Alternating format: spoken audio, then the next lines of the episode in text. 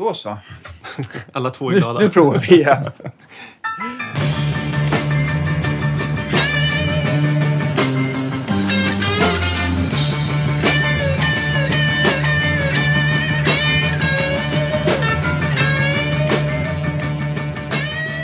Eh, välkomna till Guitar Geeks podcast, mina damer och herrar. Idag eh, är det bara jag, Daniel Cordelius, som eh, får äran att träffa från Såen eh, Lars Åhlund. Välkommen hit. Tack så mycket. Ja, Tack. vi ska prata gitarrer Ja, och eh, framförallt eh, det nya släppet, Ja, ja, Antagonist. visst. va? Absolut. Ja, Mm. Som är den nya singeln som släpptes kanske i slutet av oktober, va? det stämmer bra. Ja. Ja. Och så kommer en ny skiva som heter Imperial i slutet på januari. Ah. Och säkert några fler småsläpp däremellan. Vill man liksom få... Ja, men jag förstår. Man vill ju liksom lägga en ny skiva. Om man, om man kan välja... Om, om man har den klar i typ november, december är det lika bra att vänta så att man får liksom 2021 på den istället för 2020. Det kanske känns lite... Jag tror det. Eller jag vet inte. Det där vet nog vårt skivbolag mer om än vad vi vet. Men eh, vi har traditionellt sett släppt liksom slutet på januari, början på februari. Ja, men jag Alla skivor man, förutom Jag en, tror att man så att tänker det. Det Ja. blir liksom så här, annars så ser det ut som att det är en gammal skiva för att det står 2020. Och då kan man spela festivaler och det är fortfarande fräsch musik. Ja. eh, Så att det inte blir liksom fjolårsskivan man kommer på festivalerna med. Utan, utan det är samma år. Blir det, Eh, blir, det, blir, det här, blir det här n- nummer sex eller nummer sju för er? Nummer fem, tror jag. Vänta nu. Ja, fem blir det. Blir det fem? Ja, Okej, okej. nummer Ja. fem. Och, och har ni av fullängdarna så är det fem. Har ni, Ja. har ni släppt någon singel eller gjort någonting annat utöver någon? Alltså vi gjorde en, eh, en reissue som kom inom ett år på vår skiva 3 som heter Lucaia. Okej. För att eh, vi tyckte inte riktigt att masteringen satt som den skulle. Eh, och så, så gjorde vi en ny mastering på den och la till ett gäng bonuslåtar och några livespår. Okej. som vi hade eh, liggande. Så, egentligen så handlade det väl mer om att vi kunde välja, ska vi göra en ny tryck av skivan ja, exakt likadan som, som det var tidigare eller, så, Okej. ska- eller gör vi något nytt med den så att det, liksom, det finns något mer värde på den. Okej. Och då kunde vi samtidigt rätta till lite grejer som vi tänkte på. Eh, jag tänkte på, eh, för bandet har funnits sedan 2008-2009. Ja. Eller är det första skivan som kom då? Första kom 2012. 2012? Och jag tror vi, vi 2010 kanske någon gång så, Ja. så är bandet i den formen den är idag. Okej, okej. Idén har kanske funnits lite längre kring den, men det var då det satte igång på riktigt. Och, och hur, hur, liksom, hur, kom ni, hur träffades ni och liksom satte ihop? Jag kom in i bandet några år senare, Okej. när Mm. andra skivan var klar. Eh, Men innan den var släppt, då kom jag med i bandet. Så, så det är ju, är ju Martin Lope som spelar trummor. När han, han spelade med Opet tidigare. Och han, Otroligt bra trum. alltså, det fru- lilla, ja. Ja, men han är Ja. otroligt bra trummis helt enkelt. Och han, det är ju liksom... Det här är hans vision från början. Ja. Eh, så att när han slutade i Opet, så några år efter det, så drog han igång det här projektet. Okej. Och träffade sångaren då. Mm. Eh, som inte kommer från hårdrocksvärlden, som, som sjunger liksom med, med inga skriktoner och ganska Nej. clean vocals. Nästan, ing- nästan ingen ingen false core heller. Nej, nej. precis. Utan det sen kommer det mer från pophållet och, Mm. och sådär. Och, ehm, den kombon blev direkt någonting som kändes väldigt här, häftigt och, och Ja, inspirerande. Och så- Ja, ja. Att det är ganska, ganska hård musik men med väldigt mjuk sång till. Precis. För, men man får väl ändå säga att det är progressiv hårdrock, Ja, eh, vi- vi- metal eller vad, hur, kan man lägga det i något fack? Eller? Ja, det, I det facket ligger vi ju. Ja. Liksom vare sig man vill eller inte. Ja. Och i början var det väldigt mycket så här, men det låter som Opet och Tool som en blandning. Opet Okej. är inte så konstigt eftersom Martin spelade med, med dem så många år. Eh, och Tool, liksom, ja det var inspirerat av, av Tool, ja, speciellt första skivan. Ja, just det. Mm. Eh, numera vet jag inte om, om det är prog. Ja, det är progressivt. Det är ganska långa låtar och ganska... Brukar, alltså, varje låt tar den igenom olika delar. Alltså en del hårda delar, en del mjuka delar. Och det, det. liksom händer mycket olika saker i det. Och det är väl progressivt kanske. Mm. Men sen är det inte jätteprogressivt i struktur. Det mesta går ju 4-4 och Ja. det är inga konstig li- harmoni. ja, i- precis. Utan det är liksom... Ni krånglar inte till det lika Nej, mycket? vi försöker förenkla det snarare. Mm. Kanske backa bort lite från det där progressiva arvet. Okej. Och, och ha lite mer straight ahead. Eh, alternativrock eller vad man ska kalla det för. Okej. Mm. Eh, men jag vet faktiskt inte. Ja, det, alltså, det där med genregrejen är ju, det är ju ett ytterspeciellt i den där genren. Ja, men det, det det, det, metal, så- ja, jag tänkte att den ändå går inom genren bra musik. Ja. Ja, inom det facket. Och, det, och faktum är att i, i bandet är det ju faktiskt Martin som är vår enda riktiga metalhead. Okej. Alla andra är ju liksom lyssnat på massa olika genrer och kommer från olika håll och spelat jazz och pop och... Ja, men vi, vi ska ju, eftersom du är gäst här Lars så ska vi mm. höra lite grann hur det börjar för dig. Men ja, just, just, nu ja. bara liksom vill, vill, eh, vill, man ju lyfta fram det här fina släppet av Absolut. Imperial i alla fall. Men jag tänkte på, Imperial hade ni också gjort en liten annan grej soundmässigt. För ni hade liksom istället för att ha den här uh, europeiska mixen och produktionen så, ni hade spelat in här i, i Sverige va? Ja, precis. Fast ni hade skeppat över materialet sen till en amerikan som fick liksom mixa ihop plattan. Exakt. Ja. En, en snubbe som heter Kane Shurko. Okej. Okay. Vilka har han jobbat med? Eller? Han har jobbat med eh, dels Ozzy Osbourne och Bob Dylan och sådana stora ja, saker. Men så, så också med såna här Deftones och Five Finger Death Punch och mm. den typen av modern amerikansk eh, liksom radiometall. Hur, hur kändes det att få lite hans touch liksom? För jag antar att det, han påverkar ju soundet väldigt mm. mycket och sen så eh, kör ni ändå den genren ni gör. Så att det blev väl också en liten en liten härlig crossover. Absolut, eller? och det var lite av en chansning som vi ja, tänkte vi, vi provar, vi vågar ta det här. För det var, vi vet ju att våra fans kan vara ganska, eh, de är ganska noga med hur, hur det låter och, okay. och hur ljuden är och hur mycket kompressor det ska vara på masteringen och så vidare. Ja. Eh, så det blev lite en chansning, men vi tänkte att vi måste ju utvecklas hela tiden. Ja. Och jag tycker att det blev extremt lyckat. Okay. För att det blev någonting annat. Eh, alltså Soen låter fortfarande Soen, ja. men med den här amerikanska produktion, eller mixen och masteringen så blir det lite bredare, större ljud, punchigare Mm. Eh, utan att vara sönderkomprimerat för den delen. Ja, men jag menar ändå liksom, det är någon... Det är så, jag vet inte vad de gör, amerikanerna, men de får till det så extremt brett och stort. Det är mm. liksom... Det är, är inte de rätt bra på att se helheten också, tycker jag sådär? Att de inte liksom verkligen så här nischar in sig på enstaka instrument utan, utan de liksom, jag vet inte, de får ihop det ja, men verkligen. på något sätt. Verkligen. Sätt, liksom. Det är inte så mycket varje instrument för sig som är det viktiga utan det är låten som är det viktiga. Mm, mm. Och då kan man gärna ta bort någon gitarr, eller liksom sänka gitarren ganska mycket på någon viss del för att det är någon bas som ska höras eller om det är sången som ska höras. Eller, Eh, och samtidigt kommer det någon, någon kul liten detalj i produktionen, ja, men då ser de till att den hörs. Men kan man eh. säga så här generellt om amerikanska mixar eller europeiska mixar, hur man liksom, hur, hur, eh, hur nära är sången? Hur höga är gitarrerna eller trummorna? Så här? Ja, det känns som att de fokuserar på att trummorna och sången, det är de två viktiga bitarna. Okay. Och resten ska liksom supporta ja. trummorna och sången. Det är den känslan jag får.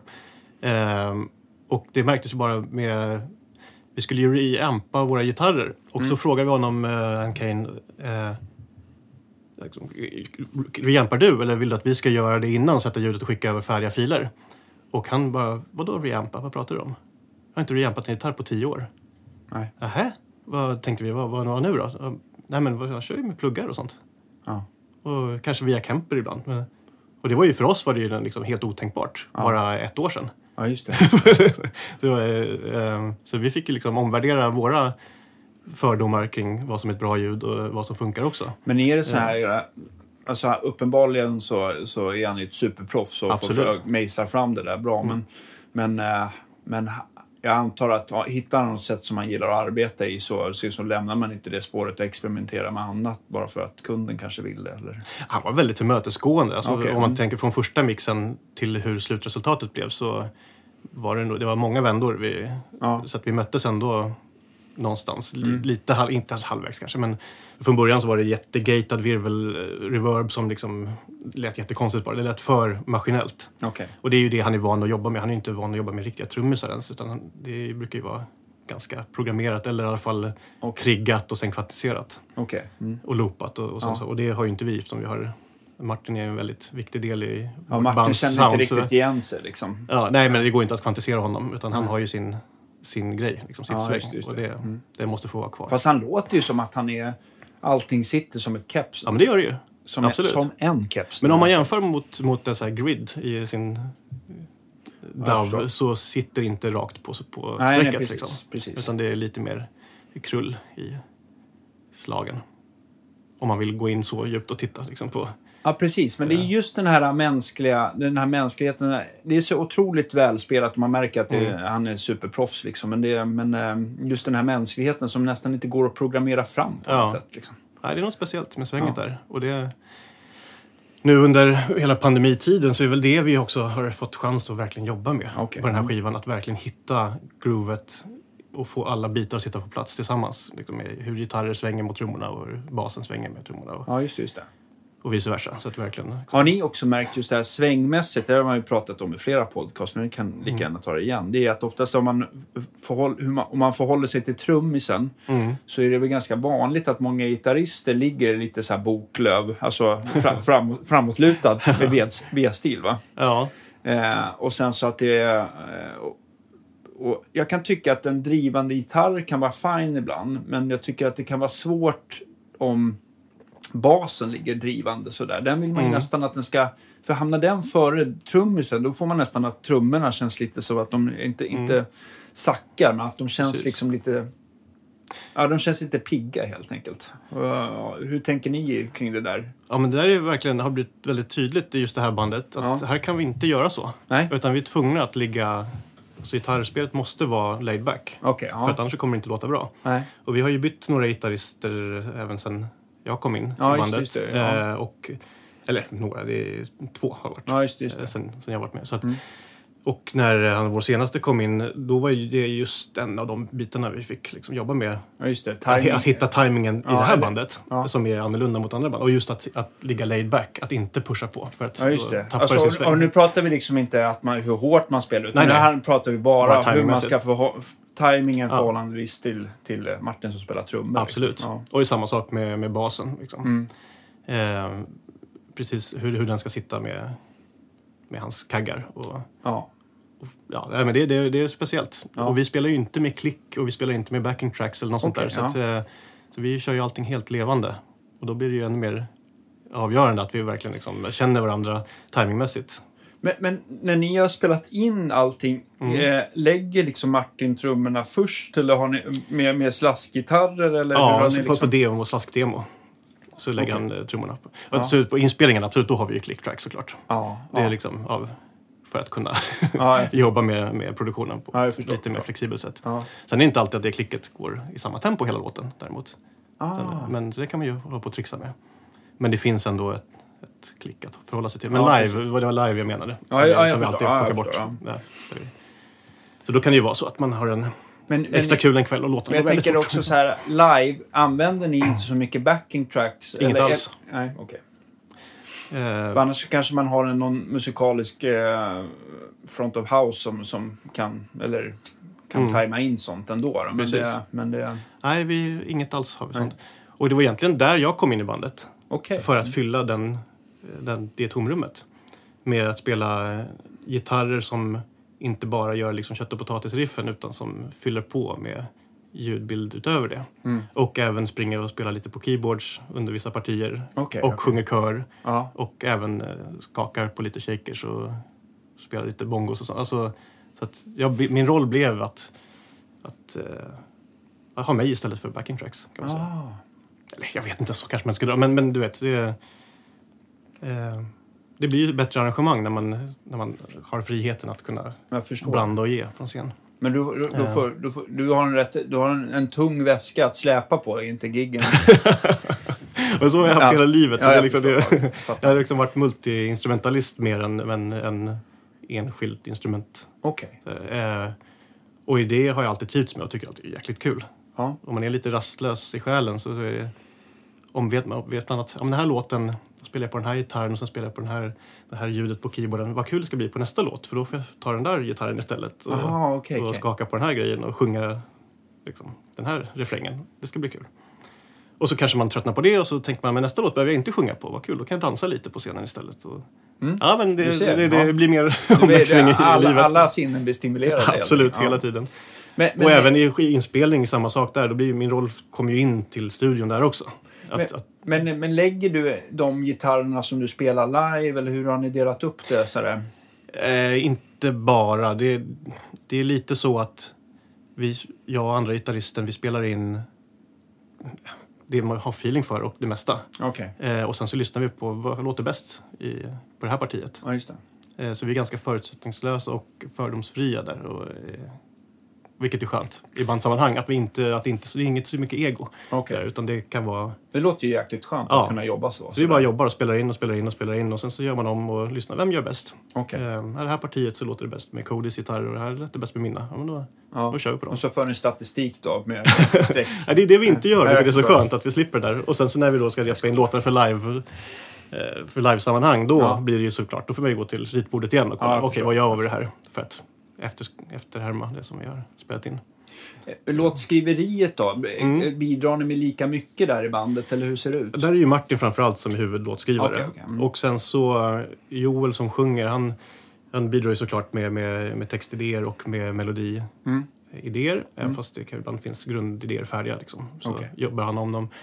Min roll är väl mest eh, med arrangemangen och att alltså, få till varje del så att den makes sense. Eh, och och vad, vad behövs på den här delen för att den här ska lyfta och vad behövs för att den annan ska eh, kännas tung och sådär. Alltså, jag skriver stråkar och Jo, men jag tänker de det måste, ju vara, eh, alltså, det måste ju vara perfekt för dig som är multiinstrumentalist som kan tänka liksom över, Mm. över flera instrument också. Sådär, så att, eh, Mm. Ja, men det är en väldigt rolig roll faktiskt. Ja. Så fan, det är just den att man får strö här sockret över kakan och få den att ja, smaka. jag förstår det. Ja. Men sen så är det öppet också. Alltså, medan låtarna skrivs så är de öppna böcker. Så att det, Mm. alla inputs är välkomna. Och den, är det en bra idé så stannar den. Och det är rätt kul då, men om man tänker Martin som bandledare, är ju att han faktiskt lyssnar på alla idéer som kommer in. Och prövar alla idéer. Och Okej, sen ja. så liksom, kollar man vad blev bäst och så kör man på det. Har han ändå så här lätt att, att liksom kunna ta beslut? Eller blir det för att det blir så mycket att välja av att man blir så otroligt Ja. velig också? Eller känns det som att han, han vet ganska fort? Ja du, det kan inte jag svara på. Men han är bra på att ta beslut, absolut. Ja, ja, Det- ja. Och eftersom det är hans band från början då, så, så låter vi honom ta det sista, liksom, det slutgiltiga beslutet. ja, förstår. Någonstans. Så det, eh, och det brukar bli bra resultat. Så att, vi ska ju inte in och bråka över någon slags känslomässig... eh, av någon Nej, slags egoskäl. Utan Nej, men jag det- förstår. Det, det är det, kanske rätt skönt att det är någon som har sista ordet ibland också. Absolut. Ja. Ja. Och det är, ju, det är ju som sagt Joel och Martin som drog igång den här grejen. Ja. Eh, jag kom in några år efter det och sen så har de andra musikerna Mm. kommit in efter mig. Så att det, liksom, det blir... Ja, det blir ju en viss... Man ska ju inte ändra på en arbetsprocess som funkar. Nej, Om man vill att det ska låta lika, eller om man vill att bandet ska få vara det bandet det är. precis. Eh, jag tänkte också så här gitarrmässigt. Eh, Mm. För jag har ju hållit på lite med dina fina gitarrer och sånt Ja. där. Vad, vad, vad, vad har ni använt er av på sena, den här kommande Imperial? Mm. De, eh, det mesta som är liksom vanliga ska säga, metal-riffandet Ja, är för det mesta PRS. okej. En Custom 22. Mm. Det är det vår andra gitarrist spelar på också. Och så när jag Med, lägger... med, med fast stall eller har de svaj? Ja, fast stall på Okej, dem. ja, Eh, nej, svajstallet faktiskt, de jag spelar på, kommer jag på. För vi har lånat eh, David Castillos gröna ja, just det. Så ni har spelat Så in den- er här i Gröndalsstudion? Ja, mycket har vi spelat in där. Mm. Men sen så lägger jag väldigt mycket med en av de gitarrerna du har pillat med. Mm, som är en vi, vit strata, Ja. precis. Så med två mickar bara. Sen Mm. har han en Firebird-mick i stall och en, Ja, det blev väldigt en bra faktiskt. Det var, Ja, en sån, skitbra. det var en sån um, Dimarsio har jag för mig. Ja, just det, ja, precis. Mm. Och den var ju, ja, men den är kul. Mm. Egentligen en keramisk mick. Och folk, folk brukar fnysa lite åt keramiska Mm. magneter. Men jag tycker faktiskt att eh, den låter sjukt bra. Ja. ja, jag har verkligen... Sen jag köpte en, en Firebird, en Gibson Firebird, så Mm. jag liksom blev jag direkt förälskad i de mikrofonerna. Och liksom har dem som slags ljudideal. Jag tycker de är precis lagom här brighta och spinkiga men fortfarande har lite liksom... Ja, kan kan sparka mer- på knäna när man drar på. Precis, men den har ju mer kropp än vad en, en, en Strata Absolut. stallmick har. Ja, men den har ju inte den här, den här lite mörka, tjocka klangen som, som en full stor humbucker. Det blir lite, det blir lite in between där på Verkligen. något. Och som min roll då, om man tänker live och som jag även gör på skivan, det, då passar den micken verkligen perfekt Mm. eh, som ett komplement till det här PRS-tugget Mm. och att eh, den kan få liksom skimra lite eh, över de andra instrumenten. Ja, just det. Men det är väl också lite grann så här, jag tänker på Fenders, alltså jag tänker på att den här gitarren, den här Fendern med Mm. den Strata med en sån Firebird mick, den har väl ändå en an, den låter ju annorlunda än vad en Gibson gör med en Firebird Alltså med, Absolut. Faktum är att den låter uh, basigare. Aha. faktiskt. När jag liksom testar dem med samma förstärkare efter Mm. varandra. Jag har ju kört båda live liksom efter varandra och då måste jag ofta backa lite på, på, basen. basen. när jag kopplar in. Diskantmässigt då? För det där är Ja, det är ändå ungefär samma. Okej. Mm. Ja. Vad jag upplever i alla fall. intressant. Ja. Så det var, det blev förvånande mig också Ja, faktiskt. precis. Jag hade förväntat mig något annat. Men, eh, Men det, är inte det där som är så jäkla roligt med gitarrer? Att man liksom, man, man är objektiv och det borde bli så här. Ja. Och så blir det något annat. Eller hur? Ja. Verkligen. Nej, så det, man måste lyssna sådär. Jag tycker faktiskt att det är många som... Jag fattar att det inte är så himla lätt att kunna avgöra snabbt hur någonting låter, om det är bra eller inte. Men ibland Mm. är folk lite väl objektiva och är, liksom har dömt ut någonting eller tycker att någonting är bra innan man ens har Ja, pluggat men in eller klämt. Så att man får... Man, eh, det är ändå att man måste lyssna och få, få den uppfattningen som ändå kommer... Lyssna och känna och spela. Alltså, Ja, hur? Det har jag hört ganska mycket sen jag började spela på den där Firebirden, alltså Mm. Gibson. Eh, gitarren då, det är många, men den kan du inte spela på, de håller ju inte stämningen. Eller, de kan man inte spela på, de mickarna är inget bra. Och Nej. liksom massa sådana där Nej, typer av kommentarer jag fått höra. Så jag tänkte, men varför det? Det låter ju skitbra. Mm. Kom och lyssna. Liksom. Vår ljudtekniker har alltid varit nöjd och alla Ja, bandmedlemmar har alltid varit nöjda. Så det, Ja. Och jag framförallt är nöjd. Eh, men så sen jag så försöker kanske- lägga allt sånt där åt sidan och bara gå på vad som man själv trivs med och vad som man själv tycker är kul. Och, Men jag tänker också att, att, ehm, att det är ju så jäkla viktigt att det känns, framförallt när man står live eller, eller när man spelar överhuvudtaget, att man har en gitarr som känns, inte känns i vägen eller Mm. konstig eller någonting utan den, liksom, den, den, den känns bekväm att spela på. Liksom. verkligen. Och då är ju alltså en Firebird är ju ganska speciell sådär. Den är ju Mm. lite som en SG, att den känns den känns ju liksom lite lång sådär, trots att det är en Mm. kortskalig hals. Men den hamnar ju lite mer åt vänster än vad en Les. Paul gör. Eller, eller, ja, Det första jag märkte när jag provade den var precis det som du säger. Ja. Eh, I vanliga fall att plocka upp min gitarr så kanske jag börjar fingra omkring i runt femte band i A-läge. Liksom. Men nu var du- Och här var jag på B helt plötsligt, utan att jag förstod varför. Ja. Ja, just för att den, ja, den kommer lite längre bort. Och det passar mig bra, jag är ganska lång. Så att det, Just det. Då passar det mina armar att, att den sticker lite iväg också. Har, har du kört, eh, liksom när det kommer så här stränga gitarrer och sådär, har, du liksom, eh, har ni experimenterat mycket med stämningar eller hur, hur tänker ni där? Vi har två stämningar. Vi, har, vi kör standard E och standard D. Okej. Mm. Så det är det vi varvar mellan. Och jag brukar köra L, 011 set. Vad är det, 011 till 49 va? Tror Om det är och ja. Mm. Eh, när det är stämt i D. Mm. Och eh, 010 när det är stämt i E. Så att, Mm. Inga konstigheter. Nej. Men jag börjar nosa lite på om jag ska kliva ner ett steg faktiskt. För när vi spelar in den här skivan så är det, har jag ett solo på en låt som där jag inte orkade stämma, stränga om gitarren. Så jag Mm. spelade in med en Les Paul och eh, bara stämde ner då med när tiorna fick sitta kvar. Mm. Och helt plötsligt upptäckte jag att jag kunde bända en hel kvint och det var ju skitroligt. Ja. Eh, och då började jag tänka att men vänta nu, det kanske, det kanske finns någon poäng med att kliva ner en tjocklet. Ja, alltså, Men vi får se bara vad det blir. Alltså, jag, kan, jag, jag tycker ju någonstans den här macho Steve Ray Vaughan, eh, Mm. att det ska tjockt är bättre, den, det brukar det börjar ju... Jag fattar också, det beror ju på vilket sound man är ute efter. Det, det blir ju någonting med en Fender Strata i tjocka strängar och lite Mm. nedstämt innan, ja, i hans stärkare och sådär. Jo. Men, men just eh, till distade gitarrer och sånt Mm. där, så det är nästan så att jag tycker det bara blir sämre ju tjockare det blir. Alltså. Man... Jag kan tyvärr bli ganska hårdhänt när jag får feeling. Jo, Eh, är och då är det bra att ha lite tjockare strängar för att det, annars så sticker det iväg i stämning och så här kan det... Jag kör oftast Elver själv live, Mm. E till E. Men det är också att jag tycker att det här adrenalinpåslaget Mm. live och att jag också blir... Jag kan tycka att jag kan slappna av någonstans och veta att jag har lite grövre strängar så att det inte Mm. blir så här... Annars blir det någon så här försiktighetsåtgärd som slår in. Som gör att jag... Att jag liksom är rädd att jag ska spela av tunna E-strängarna Ja. eller någonting sånt där. För det vill man ju Verkligen. gärna ge, framförallt inte på trio, men Nej, nej, då är det ju... då För mig är det ju lite lugnare på Då det blir, det ju, sättet. då, blir det ju, då blir det ju trumsolo. Det kan man inte ha för ofta. Nej, jag skojar bara. Och då, alla har väl sett det där klippet med Steve Ray när han byter eh, fyra takter, byter gitarr i- mitt i något bluesbreak. Ja, skitbra. Liksom. Ja, Kan inte du göra så också? menar du? jo.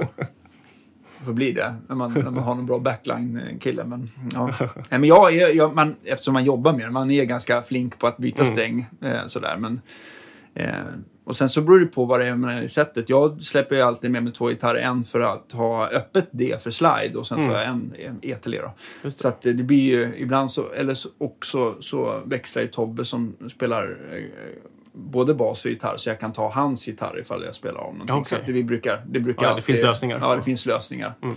Men, eh, men, men det är ju som sagt, och sen så om det är viktiga spelningar och ett Mm. set, det är inte sådär så att man liksom, ja det här är, de här strängarna har suttit på Nej, i, nej, i precis. två, tre gig, utan då ser man ju till att det är fräscht. Liksom. Absolut. Ja. Helt klart. Men vi ska inte prata om mig. Men, och det kan vi ju eh, Okej, men ni, eh, och eh, din kompanjon som Ja. heter, Cody, om du tänker gitarrkompanjonen. ja, Ja, Cody Lee Ford, som Ja. är en kanadensare. Som Ja. Ottawa-bo. okej, men han bor här numera i... Han bor faktiskt i Ottawa. Okej. Och sen så flyger han över när eh, vi behöver repa eller spela in och inför turnéer och sådär. Men hur har han lagt det? Han har lagt, han har lagt sina gitarrer från... från eh, Ja, i en studio i, Ja. Ottawa. Vi var tvungna att göra så den här gången. Ja, det förstår Eh, jag. Förra gången så la han mycket här i, i Stockholm. Mm. Men den här gången så, liksom, med tanke på lockdown och allt det där, så fick han spela in sina grejer där. Och eftersom vi ändå skulle reampa, eller då inte reampa, eh, Mm. beroende på hur man ser det. så ja, det fick, det fick bli en sån här mailskiva helt enkelt. Okej. Mm. Eh, Men det, det funkar det, funkade o- för, alltså förvånansvärt bra faktiskt. Vi har även en ny basist på den här skivan och han är inte heller svensk utan han sitter i Ukraina, i Kiev. Och, Okej. och spelar in där. Så att liksom, det blev lite postorder. Hur kommer det sig att ni hittar en basist i Kiev? Eller, eller kan, Instagram, eller- det är musikernas Tinder. Ja, just det. Ja, men det kanske är så. Ja, precis. Ja, nej, men det är så specifikt det som vi vill ha i Zoen så att det, det är klart att det finns sjukt bra musiker i, i Sverige, det är Ja. inte så. Men, men man letar efter någon som gärna har lite jazz i ryggen, gärna tycker om liksom, Pink Floyd och Gilmore-grejer, Mm. gärna tycker om dödsmetall Mm. och kan spela liksom sådana här äh, snabba högerhands... Liksom, va- vad man nu kallar den för, gent eller chag eller vad vi Ja, beroende på nu. Ja, Samtidigt som man ska ha den här fina touchen. Mm. Eh, och de växer inte på träd. Nej. De som har Men det där. låter ju som att det är en liten speciell eh, kombo allting. Ja, och vi har ju så mjuka partier och så hårda. Och liksom, vi, liksom, det är högt och lågt hela tiden. Och allting måste funka. Och helst så ska det ju vara någon som funkar personligt plan också såklart. Det är detaljer. Men det får man hoppas. Det har, det har gått bra hittills. Ja, jag förstår, jag förstår det. Ja. Ehm, nej, så därav så, så har vi liksom gett oss ut på internet.com och letat efter, efter Men- nya musiker. Han, han är eh, bosatt i Kiev. Ja, precis. ja. Och har gjort på samma sätt med basen då? Ja, han har sin studio där. Ja. Som, och är, vad jag har förstått har varit lite session-snubbe liksom, Mm.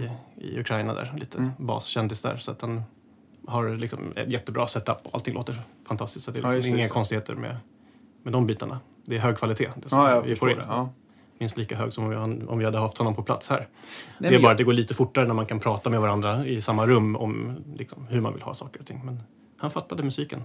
Och Nej, men om man liksom, jag tänker ändå så här, jag tycker ändå så här avståndet och att folk bor långt bort, det, det spelar ju ändå in. Alltså man tänker Mm. väl säkert ett eller två varv innan man bestämmer sig för att ta in en musiker som bor i ett annat land och, Mm. ja, på det sättet. Men ja, jag antar Vi- att ni har scoutat.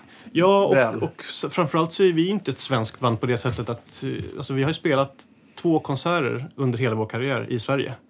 Ja, Alla andra mycket. kons- konserter har varit utomlands, över hela jorden. Så att det, det, då, så det spelar ingen roll, det är första resan som blir annorlunda.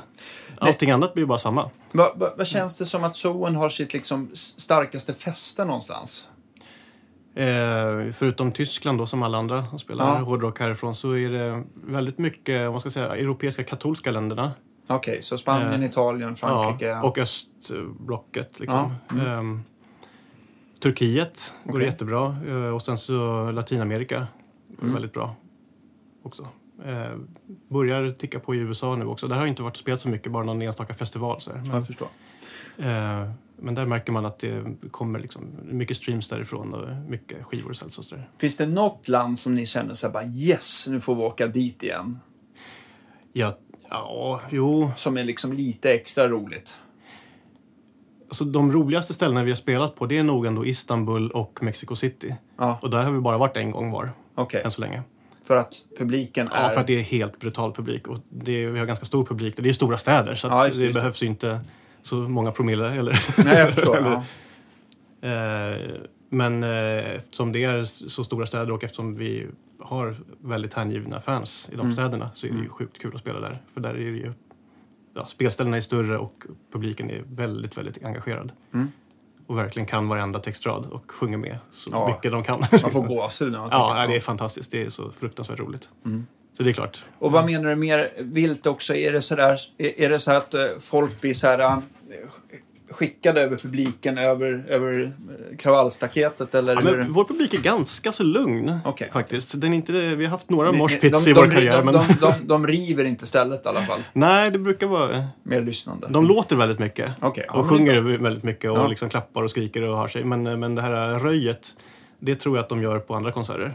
Ah. Om man märker när vi spelar på hårdrocksfestivaler som Wacken eller Summer Breeze eller vad Mm. de nu heter. Då märker man ju att de går ju inte till oss för att höra liksom för att göra en moshpit och, och höra growlsång och stenhård metal. Utan det, de kommer till oss för att liksom, vi är det lugna bandet. Jag förstår. Men alltså, jag tänker så här moshpit. Som jag, jag, jag känner mig inte... Det ska, väldigt in, det ska in väldigt många öl i därför bästa delar. Jag vill liksom slänga min en sån. Men vilket band är det som alltid har en moshpit? Jag vet man? inte, jag går inte på de konserterna. Nej, men men jag jag, gick mycket på hardcore-konserter när jag var yngre. Ja, och då det. var det ju lite åt det hållet kanske. Eller mycket så här med stage dive och, den typen av grejer. Det kan väl ändå luta åt det hållet. Fast, jag Ja. tänker så här, det här kanske inte är moshpit, men en band som ändå får en att liksom vilja liksom bli lite, alltså få de här Ja. tendenserna att vilja förstöra någonting. Det är ju typ Rage Against the Machine. Absolut. Ja. Till dem gjorde jag min första crowdsurfing när jag var liten. Ja, när de spelade, när de spelade i Solnahallen. Ja. Det var liksom... Ja, det var roligt kommer jag Ja, ihåg. jag Efter det så... det. Du landar väl i alla fall, eller? Ja, jag gjorde det faktiskt. Någon vakt Har jag för mig. Som, ja. jag kommer inte ihåg men, eh, hur jag landade. Men det var väldigt roligt kommer jag ihåg. ja, jag förstår det. Ja. Nej, men då, där, där, de, har, de slår ju an något, någon gen, Ja, ja. Jo, tycker jag. om en hel publik har, hoppar upp och ner och skriker 'fuck you, I want to what you tell me' det är, liksom, det är ganska så här, tydligt Ja, ja, ja precis. vad det väcker hos en. Eh, Eh, Hur, hur, om man, nya släppet då, den Ja. här singeln som har kommit. Ja. Eh, hur har det liksom mottagits? För det var väl lite oroliga med nya sound och mixar och vi var ganska självsäkra men det var ju oroligt. Alltså, vi, förväntade oss nog en del Kritik, eh, liksom. Eller, ja, en del som, som inte tyckte om vår nya riktning Mm. ljudmässigt. Och så blev det naturligtvis. Men de var försvinnande få. Okej. De var lite högljudda precis första, liksom, ja, första timmarna egentligen. Och märkte man. hur- Och, och hur- sen så lugnade och sen så var det bara folk som tyckte att det var jättebra. Och hur låter sådana kommentarer? Om man liksom, kanske inte kan prata om negativa grejer, men, hur, men liksom börjar de, är det arga gubbar och eh, svordomar och sen så, nej nu börjar jag lyssna på ett annat band, hej då. Nej, nej, de vill inte lyssna på annat band för det, de, de är ändå trogna så. Men Ja. jag vet inte riktigt vad som, hur så här keyboard warriors funkar. Jag, Mhm. så, eftersom jag själv inte är en sån. Så, Nej. alltså att sitta där bakom sitt tangentbord och, och tycka och veta hur saker är och tycka till och säga vad som borde ha varit. Och, Mm. Jag vet inte fan vad som, vad som funkar i, i deras mentalitet. Jag själv känner mig så långt ifrån den världen. Om jag har lyssnat mycket på ett band och sen så gör de en skiva som jag inte riktigt gillar, då kanske jag lyssnar på den gamla skivan istället och hoppas att nästa blir bättre. Just det. Men, ehm, Men alltså, men de säger ju så här, ja, jag älskar Zoen och jag, men nu, jag tycker inte om det här nya ljudet. Det- hoppas de kommer mixa om innan skivan kommer. Du vet, så här. Sådana saker har jag fått att läsa. Men de är väldigt få, ska jag säga. Men jag känner det också. Alltså, med de egna grejerna man gjort så har man ju liksom... Man har ju ändrat sound inför varje platta i princip. Ja, det vill man ju. Och, men jag tänker så här att man ska stå stilla och liksom köra samma låt om och om igen som det annars blir. Mm. Det, det ruttnar man ju på liksom. Verkligen. Och jag kan fatta en, en, em, en, eh, ett fan som, som kanske ser oss live men eh, då och då. Men att, för de hänger ju inte med på alla konserter som man utför. Och då Mm. måste man få liksom lite variation och, Ja. och eh, Och live är ju en annan sak. Då är det Ja. såklart att vi varierar och Ja, vi spelar precis. både gammalt och nytt såklart. Det måste man göra. Eller att Eh. man liksom bara får tänka om med inspelning Mm. och liksom bara ha något... Att det känns lite fräscht i huvudet på något sätt. Ja. Liksom. Men precis som du säger, att stå stilla är ju... Ja, men då står ju bandet stilla. Det, man vill ju alltid utvecklas som Mm. musiker och som band. Så fort det står stilla, då blir det så tråkigt. Mm. Är min erfarenhet sen tidigare eh, liksom, sammanhang jag varit med. När, när man hamnar på det här platåläget och när det liksom blir skiva på skiva som, som blir samma sak. Då, Ja, precis. då, då, ja, då vill inte jag vara med längre tror jag.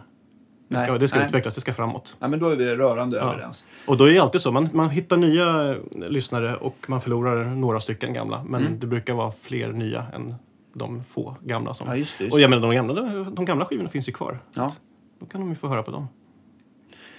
Eh, om, man, eh, om, man, om vi bara tittar bakåt då. Hur liksom, när du började spela, var det liksom Mm. keyboard eller var det gitarr som var första? Nej, saxofon faktiskt. Saxofon, Det är mitt... ehm, ja, alltså hela mitt liv har egentligen varit en eh, dragkamp mellan gitarr och saxofon. Och är än idag på många sätt. Och Eh. då förstår jag att det är liksom, var, jazz var ganska viktigt. Absolut, Ja. det var ju liksom jazz för hela slanten. Eh, någon gång på högstadiet upptäckte jag väl jazzen. Mm. Och då upptäckte jag också gitarren samtidigt. Samtidigt som jag började spela liksom grungeband och grungegitarr när jag var 13 år så började jag också spela jazzsaxofon. Okej. Men Eh, hade du som favorit där? I jazzsaxofonvärlden. Ja. Eh, en tidig favorit var, var Dexter Gordon. Okej. Han var liksom en av de här första som... För att han spelade lite långsammare så jag förstod vad han gjorde. Okej. liksom ja, när, när jazzen är ny för. För då var det...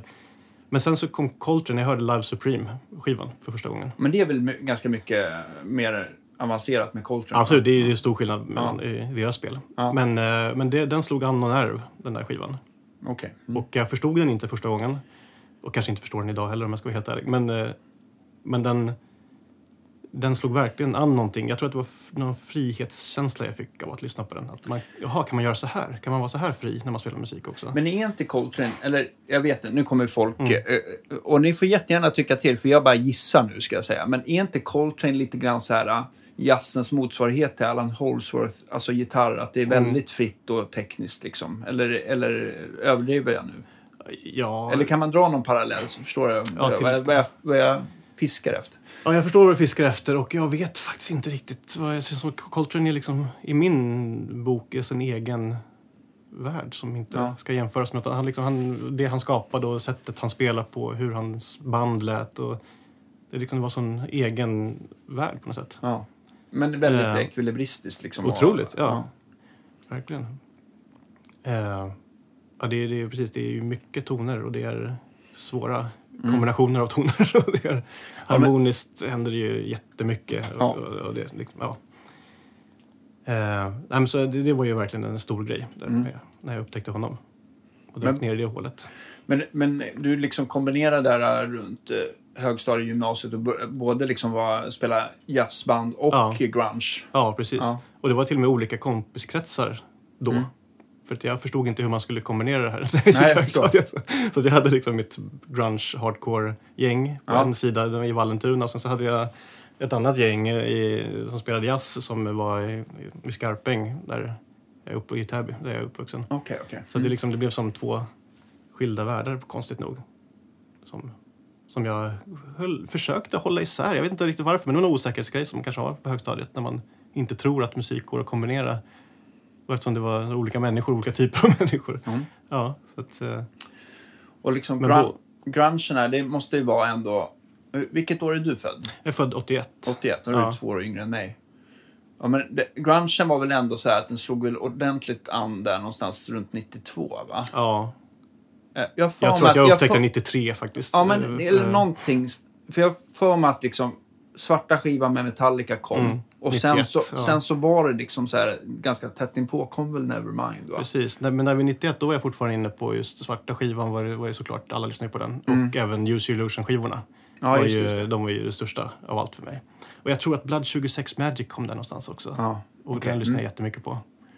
Eh, men precis, men sen så kom ju grungen och tog över helt och hållet. Eh, Det var så otroligt revolutet, kommer jag ihåg, Ja. just på, på, på plugget där jag gick. Att man, alltså att antingen så var man Metallica eller så var det Guns N' Roses. Mm. Jag kommer ihåg att jag hade någon t-shirt där det stod Fuck Guns N' Roses, here comes Metallica. just det. Som, som gjorde en del människor upprörda. Ja, jag kommer ihåg den t-shirten. Ja. Eh, Jag var på jag då. Alltså, jag tycker ju så här, jag tror att jag tyckte nog att egentligen var det nog Slash som fick mig att börja spela elgitarr ordentligt för att det var, ja, Mm. han är ju, han är ju sjukt bra liksom. Men, eh, men eh, ja, det var, det var viktigt att ta ställning kände jag. Mm. Jo, där. men verkligen. Och Sånt där som man kan skaka på huvudet på i efterhand. Absolut. Men ja, det var då. Ja. Det var det. Och nu kan man lyssna på båda. Ja, det faktiskt. Det. känns jätteskönt. och grunge om man Ja. nu ville. Eh, nej, för mig var det nog eh, faktiskt, när jag plockade upp gitarren, det var nog i och med att jag hörde Nirvana. Och, Okej. och jag hade ju hört Guns N' Roses men jag tänkte att jag kommer aldrig kunna spela som Slash. Det finns liksom inte på kartan, det går inte. Det var Nej. liksom min grundinställning. Eh, men Kurt Cobain, det kan man spela som. Det Ja. hörde jag ju på en gång att det här är ju görbart. Eh, Jo, men så- rent harmoniskt och sådär, och det är inte så tekniskt, men däremot Mm. så är det ju ganska, det är inte så jävla lätt att få grungen att låta bra.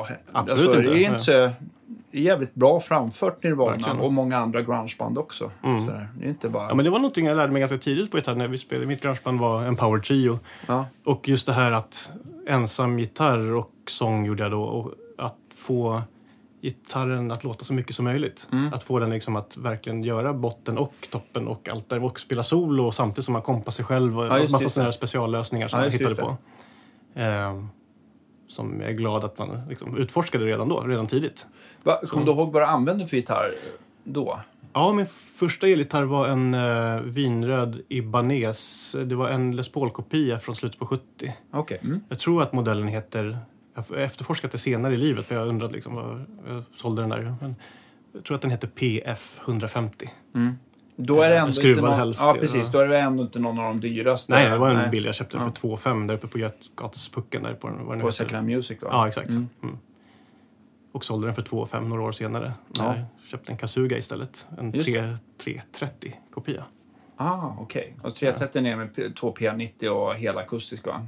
Det här hade två humbuckers, så jag kanske inte är 30 då, men den var helakustisk. Det var inget centerblock. Ja, för tre, ja precis. 330 den, den, ska, den ska inte ha centerblock Ah, i okej. alla fall. Vad heter den då, då? Om, det är, om den är helt akustisk men har två humbuckers. Och så hade den här uh, tailpiece, vad heter det här långa? Som Trapetsen, går, liksom. Ja, precis. Mm. Alltså, eh, jag vet inte om Gibson gjorde någon sån variant. Nej, Men det kanske var att det var utfräst för uttaget för humbuckers. Ja, så för kan att det var ju rätt vanligt att folk liksom tog bort P90 Mm. och satte humbuckers istället. Så att, eh, men jag kan inte komma på att jag sett någon Kasuga med 330 kopia heller.